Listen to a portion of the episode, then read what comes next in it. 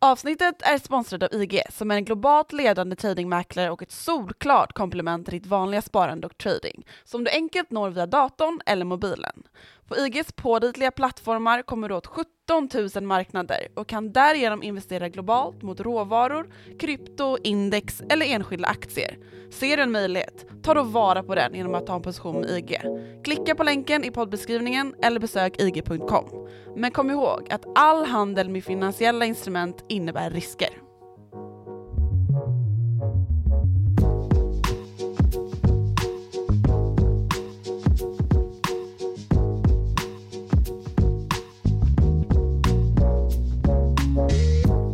Vissa länder i världen tycks valet stå helt fritt. Antingen nyttjar vi en av världens starkaste råvarutillgångar till att skapa en världsledande ekonomi, eller så förankrar vi samhället i en stat genomsyrad av korruption och handikappar oss i ojämlikheten. Det finns ett land som vi alltmer sällan pratar om och som stämmer in bättre än de flesta andra vad gäller just det här och det är ett land som kommit ytterst nära målet. I det här avsnittet av Follow the Money, en podcast om makt, storfinans och börsen, ska vi prata om korruption. Eller vad vi egentligen pratar om när vi pratar om korruption. Och vad vore väl då bättre än att ta avstamp i samba-karnevalernas och Copacabanas Rio de Janeiro. Det gigantiska, sorglösa och roliga Brasilien är ju ett land av tvära kast och nu står vi återigen där, mitt i brytpunkten.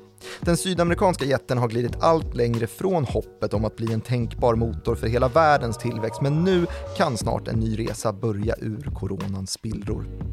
Den okuvlige högerpopulisten Jair Bolsonaro skulle ju städa upp statsapparaten och de demokratiska institutionerna från presidentposten, men sen kom just coronan och kaoset.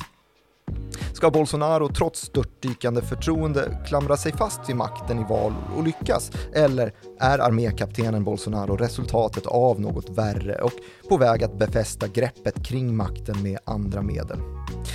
Joakim Rönning, det låter ju som att eh, Brasilien har lite att ta tag i. Vad, vad säger du? Ja, och oavsett ledare så tycks ju problemet vara ett och samma i det här landet.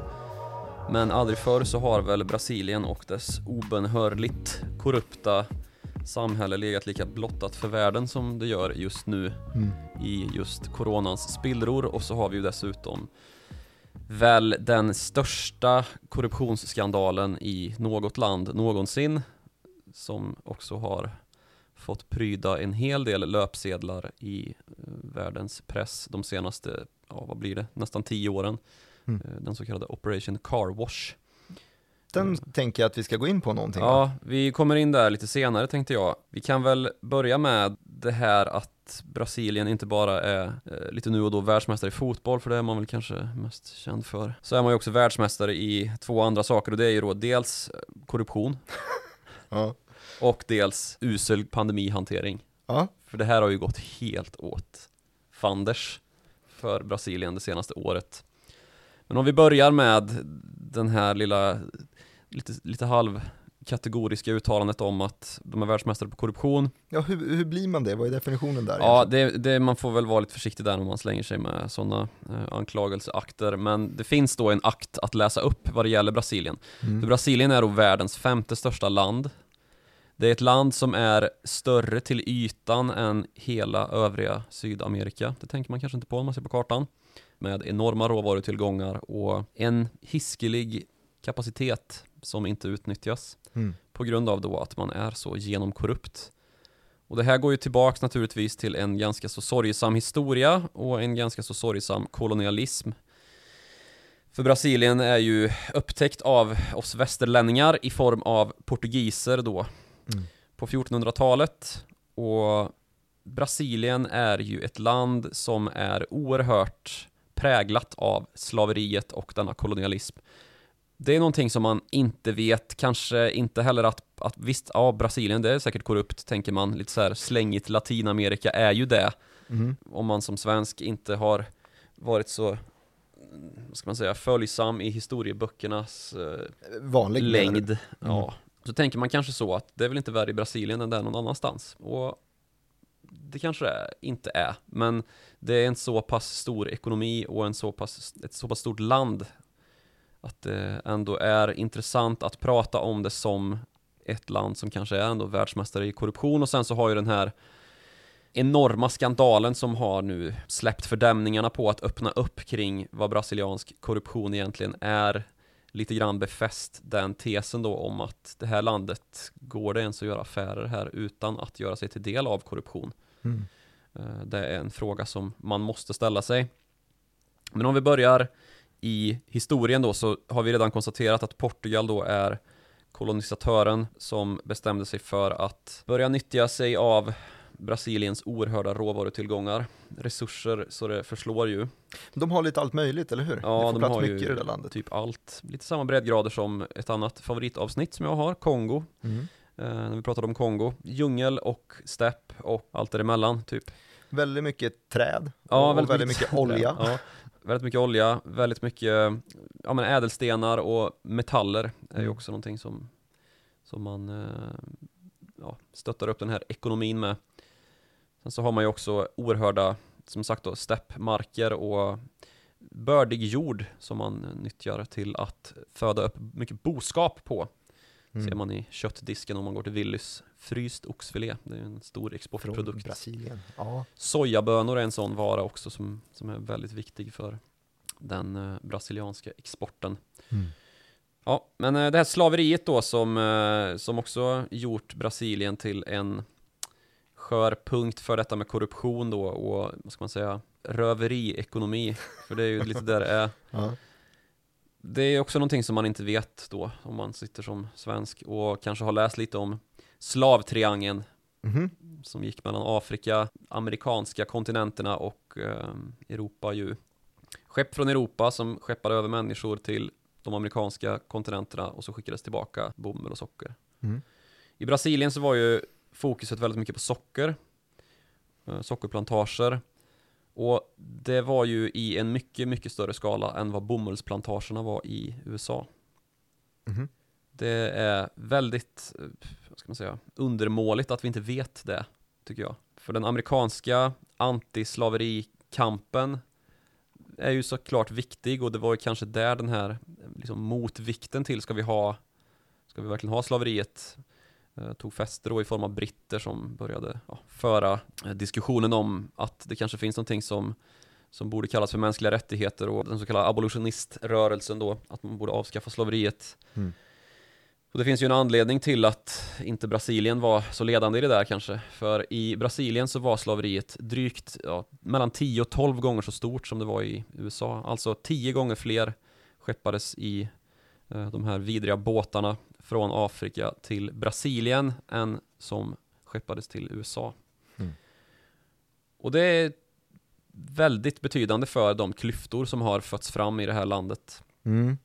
Klyftor är någonting i alla fall som eh, det jag associerade när du nämnde att du ville göra ett, ett Brasilien-avsnitt så tänkte jag direkt på en av mina tidigare, eh, tidiga föreläsningar som handlade om just Gini-koefficienten när man skulle läsa nationalekonomi. Och det behöver inte vara så jäkla trassligt men jag kommer ihåg att Brasilien låg anmärkningsvärt högt upp på den här. För att i eh, Gini-koefficienten som ju är en måttenhet på ekonomisk ojämlikhet så betyder en hög siffra att det är hög ojämlikhet i i landet. Och den, eh, den mynnar sig om du, för du ser lite sugen ut att höra bakgrunden till den här. Det är verkligen. Ja, eh, den mynnar sig då, den, man räknar ut den från den så kallade eh, Lorenzkurvan. Och den är ganska enkel och intuitiv att förstå, för då kan du se framför dig här på x-axeln, alltså den horisontella axeln på en graf, så har du procentandel hushåll i ett land. Eh, och procent sträcker sig då mellan 0 till 100. Och på samma, eh, enligt samma skala, 0 till 100, så har du också procentandel inkomst i ett land på y-axeln. Så då har du de två eh, parametrarna att räkna med i den här eh, Lorenzkurvan då i det här diagrammet. Och den perfekta jämlikheten då som den här ska beskriva, den innebär ju då att vid punkten 10% av hushållen så når du också samma, lika högt upp på y-axeln. Så att 10% av, av hushållen har 10% av inkomsterna i ett land. Eh, och eh, i, om man fortsätter då den perfekta jämlikheten så betyder ju det att 30% av hushållen kontrollerar 30% av inkomsterna och 70% av 70% och så vidare. Så det bildar liksom en, eh, en rät linje. En, det blir helt enkelt inte en Lorentz-kurva utan det blir en Lorentz-rät linje från nollpunkten upp till markeringen om 100% på respektive axel. Men är det så att landet har lite, lite inkomstspridning så blir den här kurvan just en kurva.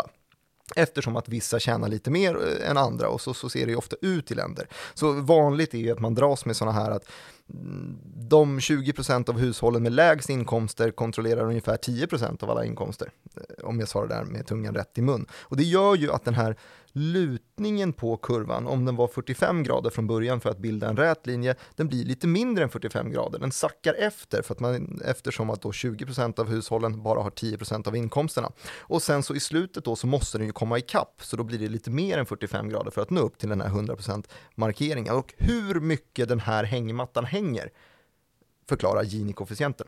Eh, och eh, Brasilien, de ligger högt Eh, jag tror att Sverige ligger på 0,3 ungefär, 0,28 var det 2019 och jag vet att vi har ju eh, det har trevat uppåt där i alla fall och Brasilien de låg på 0,54 2019 eh, och de slås av sådana här eh, med specialfall där man kan tänka sig att inkomstfördelningen ser väldigt olika ut. Hongkong till exempel ligger ovanför Brasilien, men det är liksom ett litet koncentrerat land där vissa är extremrika, en jättestor bankingsektor. Det är ju liksom hela Kinas plånbok, hela det här vi har pratat om tidigare. Och vissa kanske tjänar en vanlig eh, servicesektorlön liksom. och då blir det eh, väldigt stor inkomstfördelning. Men i Brasilien som är ett så stort land, så det går liksom inte att jämföra med Hongkong, så blir det här väldigt stort att ha en Gini-koefficient som är så pass stor. Jag vet att det var eh, någonting som den här föreläsaren ville trycka i mig och som jag då uppenbarligen eh, kom ihåg lite grann. Ja, så det, det beskriver väl klyftorna, för det, det var det du pratade om.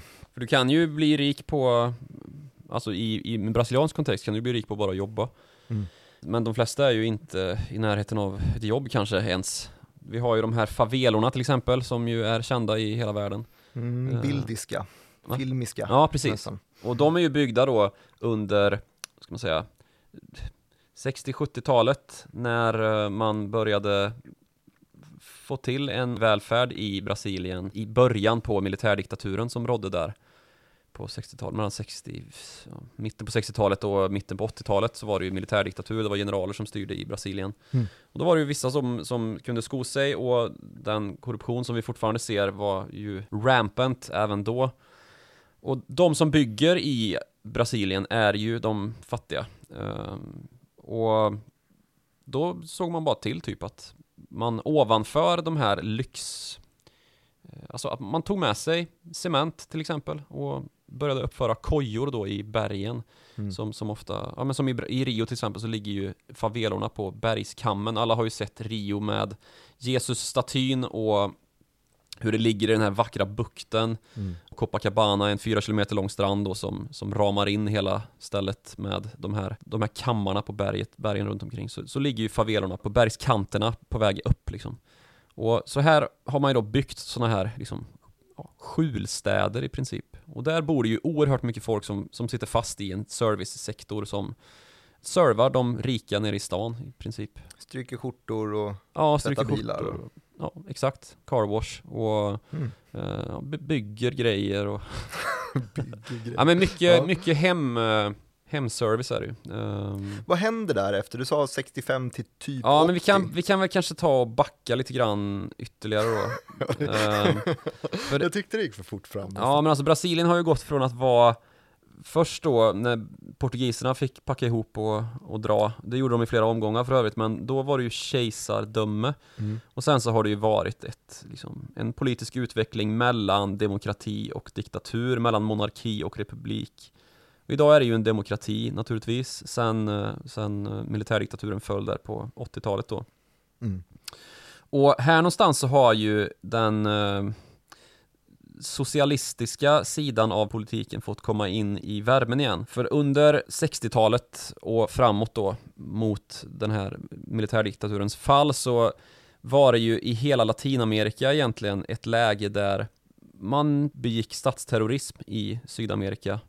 Mm. Uh, och det var ju en statsterrorism som uh, gick under arbetsnamnet Operation Condor. Och det är ju någonting som man kanske kan ta med sig för att förstå hela den här kontinenten och den epok då som, som utgörs av 60 till 80-tal ungefär. Mm. För det är ju då en tid när det finns militärjuntor som styr i princip i hela Sydamerika. Alltså de stora länderna i alla fall. Så är det ju um, en samordnad statsterrorism mellan de olika militärjuntorna då, som är ämnad för att motverka vänsterinfluenser i Argentina, Chile, Uruguay, Paraguay, Bolivia, lite även i eh, Ecuador, Peru och Venezuela och så Brasilien då naturligtvis. Mm. Och allt det här är ju stöttat av USA och CIA.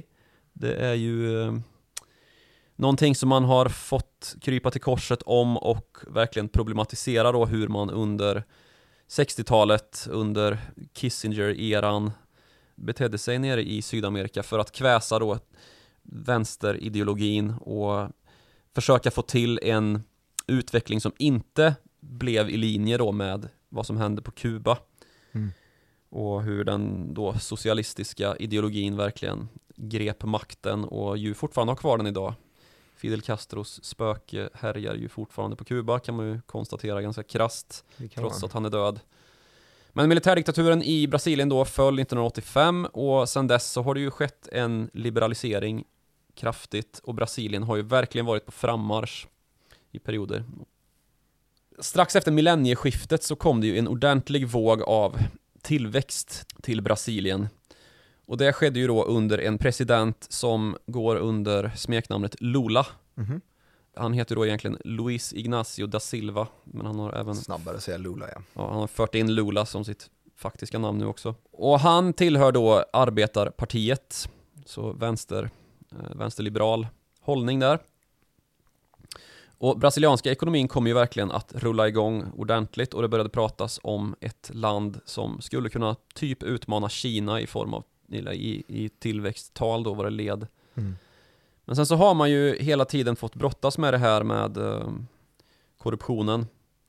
Man har ju haft ett, ett gäng olika presidenter då. Lula till exempel, han var väl den första liksom, moderna presidenten som man, eh, som man brukar inkludera i dagens diskurs kring den brasilianska politiken. Mm. Och därefter så har ju följt då Dilma Rousseff som tog makten någon gång på 10-talet, början på 10-talet där. Ehm, Lula avgick 2011 tror jag. Och sen så har även en av hennes sekundanter som heter Mikael Temer varit president. Och det här är samma parti, Arbetarpartiet. Mm. Ett problem då med alla dessa presidenter är ju att de helt utan undantag har anklagats för djup och grav korruption. Ja, det, är, det är problematiskt om man ska vara överhuvud. Det är ju det. Det är ju till och med så att de är dömda till fängelse, flera av dem. Mm. Och det här är då alltså en rörelse som mycket kom till makten på grund av att den konservativa och kanske, ja men så långt vänster som till högerliberal kanske, sådana politiker också var djupt korrupta och dömdes till fängelse och blev av med makten till slut. Så har man alltså tagit vid och gjort exakt samma sak själv då. Mm. Men var, kommer den här korruptionen ifrån ens då? Från början, jag menar det är, om det är så att president efter president efter president fastnar i samma fälla så eh, misstänker jag att det är nästan som ett, eh, eh, men en- Samhällsfenomen ett kanske? samhällsfenomen av korruption, att det är svårt att, att inte bli korrupt. Det, Ja. det, det så, nämnde du ju precis här i början, att, eh, och det är någonting som vi bevakar från börssidan också ju. Så fort det är någon form av affär som rör Brasilien eller i Brasilien så eh, ser vi att det är lite av en riskpremie på den typen av affärer för att man, man tar på sig jäkligt mycket risk av att vara i det strukturellt ganska volatila landet. Ja, risken är ju att du hamnar under eh, sanktioner Exakt. från något land, typ ett amerikanskt sådant. Mm. Och att du då helt plötsligt är hämmad att göra affärer i utlandet överhuvudtaget. Och det är ju typ en dödsdom. Mm. Så det, det får man ju vara försiktig med. Men nu är det ju också så då i detta eh, härliga land att för att kunna göra affärer där så måste du i princip ha en lokal filial. För det är för dyrt att sälja saker från utlandet då in i eh, Brasilien för att de har så extremt höga tullar.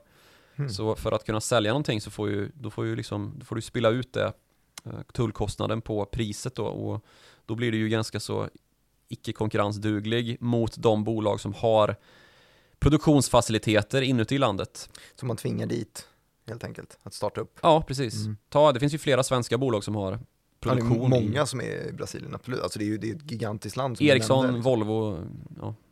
Alla, eh, Getinge vet jag, Scania, SCA. Men eh, all, jättemånga stora i alla fall. Ja. Men om vi ska gå tillbaka lite grann till eh, det här samhällsfenomenet då, så det kanske säger någonting då att just först är det högerpresidenter som tar över efter diktaturens generaler Mm. och begår korruptionsbrott så det smäller om det. Mm. Och sen så ska man då städa upp det här med lite folklig resning, att man ska fokusera på arbetarna. Arbetarpartiet tar makten och gör exakt samma sak. Visst att det skedde en hel del arbetsförbättringar då, eller arbetstagarförbättringar i Brasilien. Men det var också det som kom att fälla hela den här, det här socialist, eh, eller socialdemokratiska projektet som, som Lula och Dilma Rousseff och Temer stod bakom då. Mm. För någon gång där på slutet av 10-talet så eh, då genomför man stora rockader i arbetsrätten just. Att man inför sådana sjuka saker som 40 timmars vecka till exempel. Fy fan. Eh, Betald semester, Oj. man har en lagstadgad lön och sånt här. Nej. Och det gillar ju inte den överklass som har etablerats då i detta gigantiska land. Mm. Som ju i eliten då utgörs av vita naturligtvis. Portugisiska, vad heter det? Kolonisatörer. Nej. Var det ju från grunden. Nej men de är portugisiska anfäder, alltså som, som kom dit för att typ lägga landet under sig. Mm. Det finns ju också mycket tyskar i Brasilien. Ja men just det, från, det fanns någon liten eh, flyktvåg efter eh, det tredje rikets Ja, fall. just det. Man har ju hittat en och annan tysk SS-man i både Brasilien och Argentina. Hur Ju. kommer det sig ens? Det Ja, var du. Det, en annan historia kanske. nej men det, det var väl någon som flydde dit och upprättade en, en smidig kanal då. Och, ja, man hade väl inte så långt till fascismen uppenbarligen eftersom att det var ju precis det som, som inträffade inte så himla långt därefter då med de här Kanske inte fanns så många alternativ i närområdet att fly till. Nej, man ville väl inte fly till eh, Frankrike kanske. Nej. Ja, vart var vi? Jo, att, att det här problemet då med eh, korruptionen den, den är ju uppenbarligen genomsyrande utöver att vara en, någonting på den politiska skalan. Och det har ju blivit någonting som man nästan räknar med då, att om man kommer i maktposition då, då förväntar sig omgivningen att du ska vara korrupt. Och om du inte är det så är du korkad. Mm. För varför ska du annars sitta på en sån här maktposition om du inte har tänkt dig att dela med dig nu? Dags att du liksom cashar in ungefär. Sen så har man ju liksom, vilar ju hela den här staten på en demokratisk grund med en liksom konstitution som är präglad av frihet och jämlikhetstankar som ju demokratier är i största allmänhet.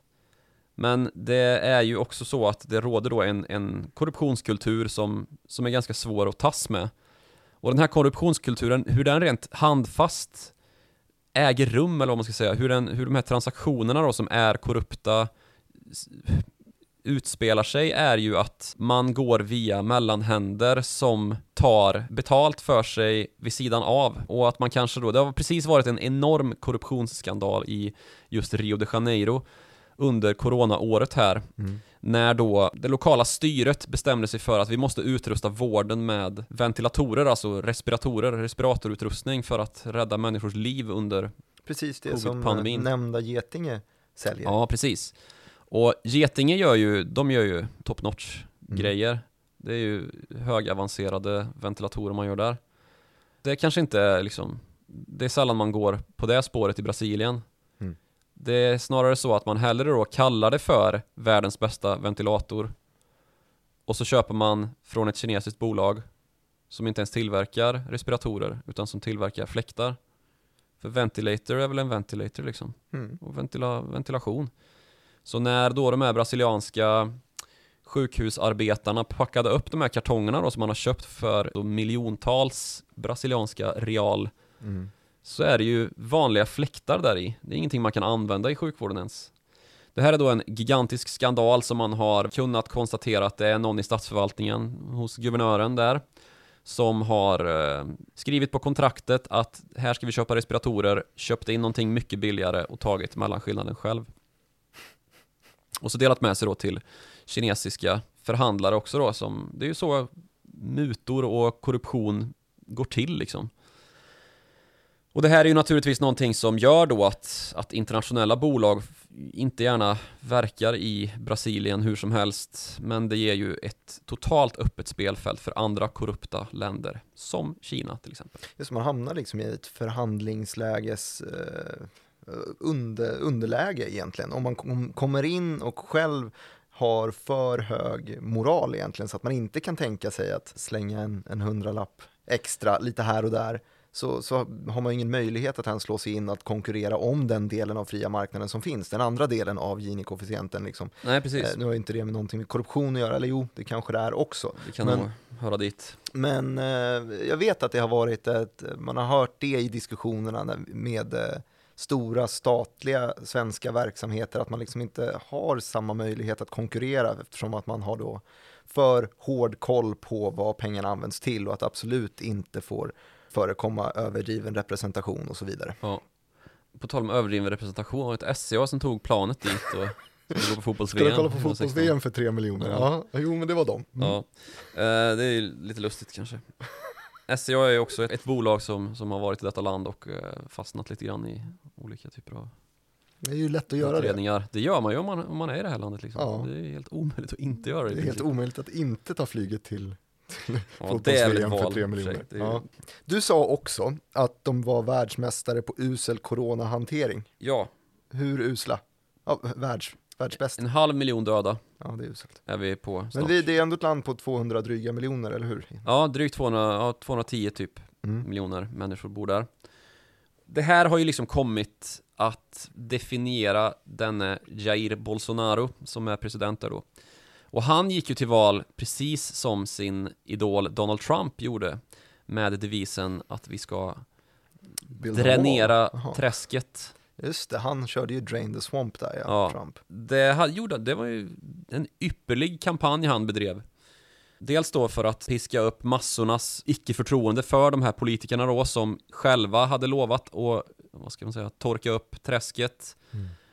Men där de själva trillade dit och blev dömda. Det gjorde han ju föredömligt och fick dessutom med sig stora delar av favelorna via då den enorma pingströrelsen i, i Brasilien ehm, som ju är ett katolskt land och där pingströrelsen är väldigt stark just i favelorna. Mm. Så han lyckades få dem med på tåget och det är väl kanske de nu då som har vänt honom ryggen precis som stora delar av medelklassen för Bolsonaros hanteringstaktik av eh, pandemin var ju väldigt omtalad i hela världen. Mm, vad var det han sa? Nej men han kallade det väl för ett eh, fjollvirus och tyckte att man skulle, vad var det han sa? Möta det med blottat bröst. Manligt ändå. Ja men oerhört så. Och han har ju stått för en Det är en hel bok av citat liksom Som Mm. är i vår kontext helt Ja Väldigt bakåtsträvande Men han lever ju än. Ja precis och han blev ju dessutom smittad Bekräftat sjuk Eh, Men han klarade sig och det var ju precis det han sa också att eh, En man av min härkomst och med min atletiska bakgrund kommer ju inte ha något problem med det här Eh, Så ja, han klarade sig ju Ja, men det gjorde inte en halv miljon. Det gjorde inte en halv miljon av hans medborgare Mm. däremot och hans förtroendesiffror har ju som introt på stod kraschat fullständigt det senaste, ja sen våren 2020 Mm. när viruset kom till Brasilien och det började verkligen gå ut för. Nu är det ju så att eh, det är val igen här 2022 och då tänker man Kommer han kunna sitta kvar? Ja, kommer han? Det är ju lite lustigt det här för den här korruptionen i Brasilien är ju fortfarande Den är ganska påtaglig även under Jair Bolsonaro Mhm. Hans eh, båda söner har blivit anklagade för korruption De har förskingrat via farsan Den ena av dem har väl precis ställts inför åtal Mm. Och dessutom så har det skett en högst påtaglig utveckling i frågan Lula Alltså den första presidenten av dessa socialdemokrater eller arbetarpartister Som Bolsonaro inte tillhör. Det gör han definitivt inte. Bolsonaro är ju en högerpopulist som ser tillbaka på militärdiktaturen som en lycklig och härlig tid när Brasilien blomstrade ungefär. Mm. För att man då hade så konservativa och bra värderingar och man litade mer på vad Gud sa än på vad några HBTQ-förespråkare i kongressen påstod. Drain the Swamp. Ja, och han har ju öppet uttalat sig om att eh, det, vi borde stänga både högsta domstolen och kongressen. Så här börjar det ju osa lite katt vad det gäller det här med om demokratin ska klara av eh, denne Bolsonaro. Mm. Och vi får väl se här under 2022 för som sagt Lula da Silva har ju släppts fri. Och han har inte bara släppts fri utan hela det här åtalet mot honom har ogillats på grund av då att det visade sig att domaren naturligtvis också var korrupt. För det är ju så det fungerar i Brasilien, att inte bara politikerna, inte bara ja, alla i Brasilien lite grann tvingas till att vara korrupta och då kunde man ju från Lula da Silvas håll då och med ganska god hjälp av en journalist som heter Glenn Greenwald en amerikan som är gift med en brasiliansk politiker. En man dessutom. Så det är ju någon, någon som absolut ogillas av Bolsonaro och hans anhang. Mm. han kunde då avslöja hur det hade gått kommunikationer mellan denne domare och eh, ja, hur han var korrupt och uppenbart tillhörde de konservativa falangerna och hade glädje av att sätta dit Lula då. Och nu, nu ställer Lula upp i Lula i ställer ju garanterat upp i presidentvalet Mm. och är riktigt på hugget igen. Och han har också en väldigt stark bas. Han är den eh, president vars administration har haft högst tilltro av brasilianarna någonsin. Så det är väl en hel del som talar för att han kommer få det rätt tufft, Bolsonaro, i det här valet. Sen så är det kanske lite långt att gå och, ska man säga, implicera att Bolsonaro kommer hålla, eh, gripa makten med våld. För han har ju inte, han har väl hävdat själv att han är den enväldige härskaren via militären och försökt lajva lite militärdiktator men får väl ändå hoppas att den här brasilianska demokratin är starkare än så. Det finns ju rätt starka kopplingar ut i världen också och en, som sagt, en stark bas för demokrati i Brasilien idag. Trots att det är en ganska så ung demokrati. Mm. Ehm, Så det blir nog kämpigt för honom att, att klara av det. För det är, ju inte, det är ju inte bara så att han har militärdiktaturer runt sig längre som det var på, på hans glada dagar utan nu är det ju demokratier i hela, hela Sydamerika i princip ju. Hörru, har vi kommit fram till eh, Operation Car Wash än eller? Ja, just det. För Operation Car Wash då, det är ju någonting som eh, är grunden för hela det här och det som verkligen har, ska man säga, kavlat ut den brasilianska korruptionen för världspress och eh, gjort Brasilien känt som ett maffialand. Mm. Det kan ju också förklara då varför Brasilien är så dysfunktionellt. Att det här är någonting som genomsyrar inte bara liksom lokala förvaltningar i vissa områden, för Brasilien är ju stort som flera länder liksom, och det är ju så varierat att man kan ju tala om regioner som är markant skilda från eh, varandra. Rio de Janeiro och Sao Paulo är ju jätteolika som städer, trots att det bara är, vad blir det, 40 mil däremellan.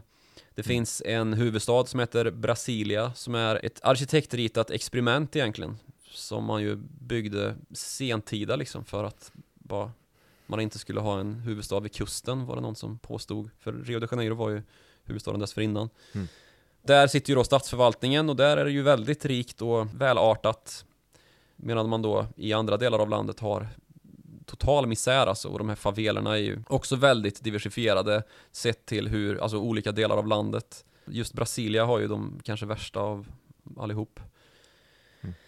Grunden för hela det här med Operation Car Wash, det utgörs ju av oljebolaget Petrobras. Det är ju. Jag, när jag kikade på just ehm, Brasilien inför det här avsnittet så letade jag efter brasilianska företag, men det är ju ganska sparsmakat i alla fall på den internationella arenan på liksom aktiescenen att äga brasili- brasilianska, förutom just Petrobras som då är Ja. liksom den Största gigantiska, den kan man ju entiteten liksom. på Ibo Vespa som huvudindexet heter. Ja, okej. Ja, men, men berätta om Petrobras då. Ja, det är ju då ett oljebolag, hörs ju på namnet, och ett statligt oljebolag. Här har då korruptionen flödat fritt, som det gjort i många andra statliga oljebolag genom åren. Vi har Mm. pratat en del om eh, Venezuela till exempel, som Mm. ju är under råvarornas förbannelse. Det är ju lite grann samma med Brasilien kan man väl säga. I alla fall genom det här oljebolaget då. Mhm. Och här har det ju avslöjats en enorm korruptionskultur. Och det har ju då bestått i att man som potentat i denna ledning till Petrobras, eller överhuvudtaget chef i Petrobras, har sett till att eh, anlita bolag med pengar under bordet då, att man får muta till sig kontrakt helt enkelt. Och det är både vad det gäller att bygga infrastruktur och utvinna själva oljan och sälja själva oljan och ja, allt i hela värdekedjan utgörs Har vi av inte- korruption. pratat om det här någon gång tidigare när vi hade ett, ett oljeavsnitt just, tror att vi fokuserade på OPEC och hur man därigenom sätter ju ett utbudstak, ett produktionstak på medlemsländerna i OPEC. Och hur då Brasilien med eh, Bolsonaro i spetsen ville gå med i OPEC. Mm. Och därigenom så får man ju då en, en kvot, liksom. så här många fat olja får du producera i ett land. Och då hade vi en liten diskussion om just korruptionsdelen där, att man hur kommer den fördelningen av hur många fat som får produceras fördelas mellan de olika oljeproducenterna inom Brasilien? Ja, precis. Så vi har ju till exempel svenska representanter på den arenan trots eh, eller om än väldigt små, eh, så har vi ju eh, Maha Energy som har något oljefält eller om de borrar efter olja till exempel. Och hur den typen av företag i så fall ska kunna ja, på korruptionsvägen eventuellt då få till sig kontrakt eller inte korruptionsvägen. Mm. Vad man än väljer så är det ju lite pest eller kolera där antar jag. Mm. Om man inte väljer korruption så får man ju inte sälja någonting och väljer man det så står man inför en jäkla risk att bli upptäckt. Ja. Men, Eh. och när vi är inne på det här med svenska bolag då som, som har haft trubbel i Brasilien och antingen direkt anklagats eller indirekt kopplats till härvorna i antingen i Operation Car Wash eller någonting annat. Mm. Så är det ju typ alla bolag som har någon typ av verksamhet i Brasilien. Mm, det, det räcker det, verkligen. Alltså senaste som, som var ute i media var väl Afry, alltså gamla OF Pöyry som Mm. det får väl fortfarande heter på börsen. Mm. Konsultbolaget som tog ett kontrakt då på att utveckla ett kärnkraftverk i Brasilien. Visade sig ju finnas lite kopplingar enligt åklagare i alla fall till Mikael Temer då som, som efterträdde Dilma Rousseff. Som ju fastnade i Operation Car Wash då. Och anledningen till att det heter Operation Car Wash är att det började med en, en läcka som började berätta om den korruption som relaterade då till en biltvättsfirma. Mm. Dilma Rousseff som energiminister i Lula da Silvas regering hon var då också ordförande i Petrobras och där har vi det ju liksom. Mm. Så Afry senast ut, sen så har vi Getinge som väl har eh, anklagats för korruption, vi har eh, SCA, Skanska har varit involverade i kartellbeskyllningar. Eh, beskyllningar. hela OMXS30 är ju... Ja, SKF samma, Volvo är liksom, de har beslutat sig för att stänga ner en hel del produktion för att det inte har Så, så, det såg vi också från amerikanska sidan också. Ja, jättemycket amerikanska bolag som har gått in i och lämnat Brasilien. Apple till exempel. Här bara för någon månad sedan så bestämde sig Ford för att här kan vi inte vara. Mm. Det blir för dyrt att hålla på med det här med korruption. Det, det, och det går ju inte att försvara eh, heller. Och särskilt inte ta den risken. Eftersom att det då vilar allt mer sådana här sanktionshot över bolag också. Det har liksom blivit en kultur där världspolitiker bestämmer sig för att vi kan inte, vi kan inte sopa undan sånt här längre. Med korruption då i Nej, det känns lite som att industrin, är att är man, sånt i, är man verksamt för- i Brasilien så förr eller senare så, så kommer du ha, ha gjort en deal med fel person och så dyker det upp och så Ja, antingen så förpestar du hela ditt varumärke eller så får du betala någon dryg böter eller så är det bara att lämna. ja.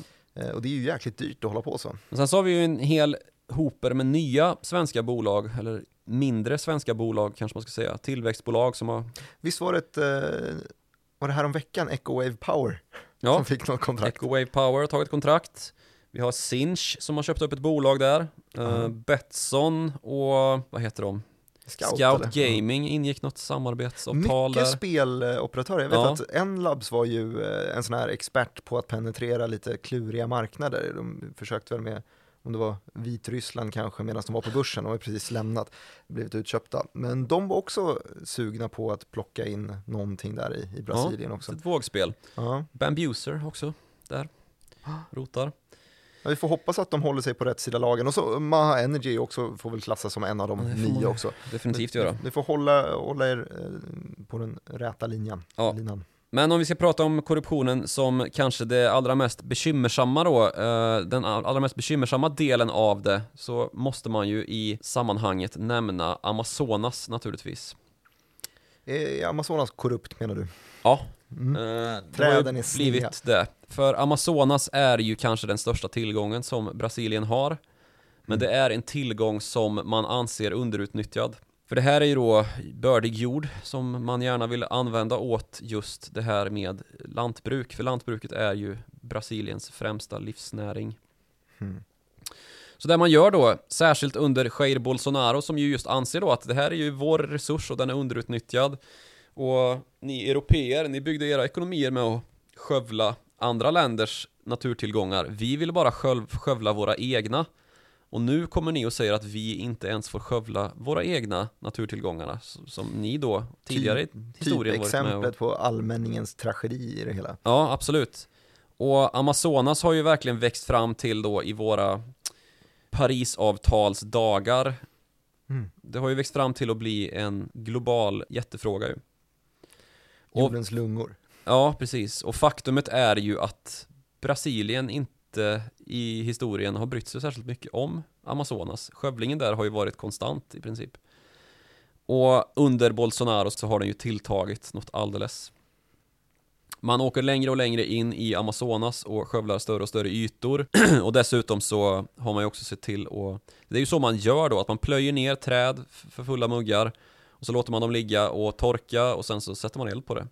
Och de här eldarna sprids ju och det är ju Precis som det är i USA, lite säsong och Australien att det är lite säsong för skogsbränder så det brukar väl vara Alltid så sjukt att höra att det, ah, nej, men det är skogsbrandssäsong just nu. Ja, Fotbolls-EM och eh, skogsbrandssäsong. och det här är ju någonting då som betydligt liberalare krafter i övriga världen då, framförallt i Europa och liberalismens högborg i Europa får väl ändå anses vara Frankrike. Mm. Där har ju president Emmanuel Macron kommit att utgöra Brasiliens största fiende under Jair Bolsonaro. Och då tänker ni, ja ja, vadå fiende? Jo, det är faktiskt så att Jair Bolsonaro då har satt upp Frankrike och Emmanuel Macron som det största militära hotet mot Brasilien. Vad ska de göra? Nej men eh, det man är rädd för då i konspirationen är ju att Frankrike är på väg att annektera Amazonas. Det är alltså en, en konspirationsteori som Jair Bolsonaro och hans eh, generaler i armén lyfter fram som en, en risk då. Mm. Och ehm, Den vågade han inte ta emot med blottat bröst. nej, uppenbarligen inte. Ja. Och det har ju utbytts en hel del smädelser mellan, eh, eller ja, från Jair Bolsonaros håll riktat mot Macron då, just att han har en gammal fru och eh, är Ja, en okej. eh, Så det, liberal det, är rakt av personligt som man sätter Ja, upp eh, är Frankrike på, både och alltså. hotlistan. Verkligen. Han är ju gift med sin gamla litteraturvetenskapsprofessor. Ah, fan vad du Mm. vet saker. Ja. Mm. Det stämmer. Eh. Jag vet inte om vi ska, det, det finns ju liksom löpande utredningar som pågår också mot, mot svenska bolag. Jag, jag tror väl inte att den här Operation Car Wash, den är väl formellt avslutad men det löper ju förgreningar då som, Ja, jag som såg väl att går de- att följa upp. De avvecklade i alla fall den liksom, taskforcen Ja. det här året nu i, i vintras. Eh, Men jag antar väl att det, det är väl precis som i alla andra stora operationer att man får väl avveckla del efter del och sen så eh, dyker det upp nya papper lite då och då. Mm.